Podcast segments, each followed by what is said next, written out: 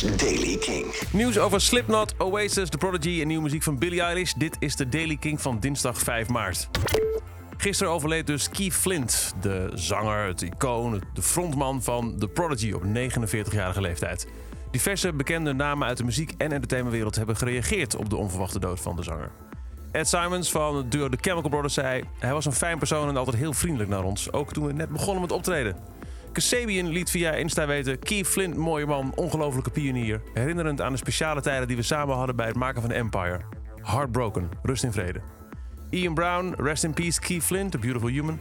Gary Newman zei net wakker geworden en gelezen over Keith Flint. Tragisch, verschrikkelijk nieuws van een verlies voor de wereld. En Gas Coombs van Supercrash zei hartverscheurend nieuws over Keith Flint. We hebben samen getoerd door Australië en Nieuw-Zeeland met de Prodigy in de jaren 90. Het waren prachtige tijden. Een warme, lieve vent. The Prodigy had eigenlijk moeten optreden dit jaar op Glastonbury. Dat heeft Emily Eves gezegd in een Instagram-post. Ze geeft aan dat de organisatie erg bedroefd is over het vreselijke nieuws en verwijst naar bijdrage op het sociale medium naar het onvergetelijke optreden van de band op Glastonbury 97. The Prodigy was destijds de eerste dance act die het festival als headliner wist te programmeren. Liam Gallagher heeft weer eens een kans aangegrepen om zijn broertje Noel belachelijk te maken. Noel heeft namelijk gisteren bekendgemaakt dat hij met de Smashing Pumpkins op tour gaat door Amerika. Waarop Liam Gallagher op Twitter zei: Pumpkins en potatoes, whatever, next. Slipknot heeft de releasedatum van een lang verwachte nieuwe album bevestigd en kondigde ook de Notfest Roadshow aan, een tour die deze zomer door Noord-Amerika gaat. Het album is de opvolger van Five, The Great Chapter uit 2014 en heeft toch geen titel. Het verschijnt op 9 augustus, daarvan is al in oktober één single uitgekomen, All Out of Life. En Billie Eilish heeft gisteren een nieuwe track gedropt, Wish You Were Gay. Ze vertelde maanden geleden al, toen ze ook een klein stukje akoestisch speelde in een Insta live sessie, waar het nummer precies over gaat. I wrote this song about a guy that really was not interested in me and it made me feel horrible. So the song is called I Wish You Were Gay and that's so not meant to be offensive in any way and it doesn't mean that I wish he was like I don't know. It literally means that I wish he was gay so that he didn't like me for an actual reason instead of the fact that he didn't like me. And guess what? He just came out to me like a couple weeks ago. So fucking, I did that shit. I wrote the song and made him fucking dude.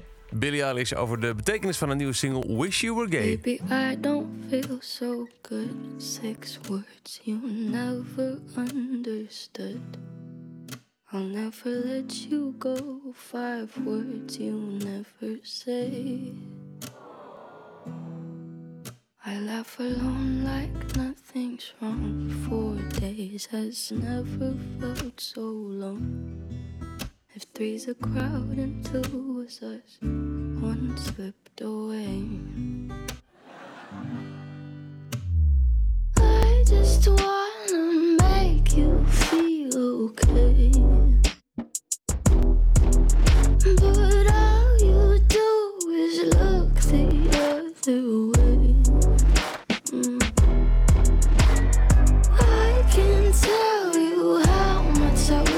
didn't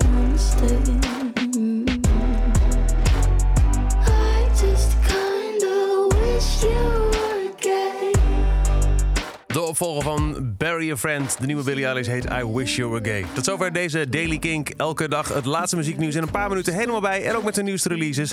Mis geen aflevering? Check dag in dag uit kink.nl. Of abonneer je op deze podcast in je favoriete podcast app. Elke dag het laatste muzieknieuws en de belangrijkste releases in de Daily King. Check hem op kink.nl of vraag om Daily King aan je smart speaker.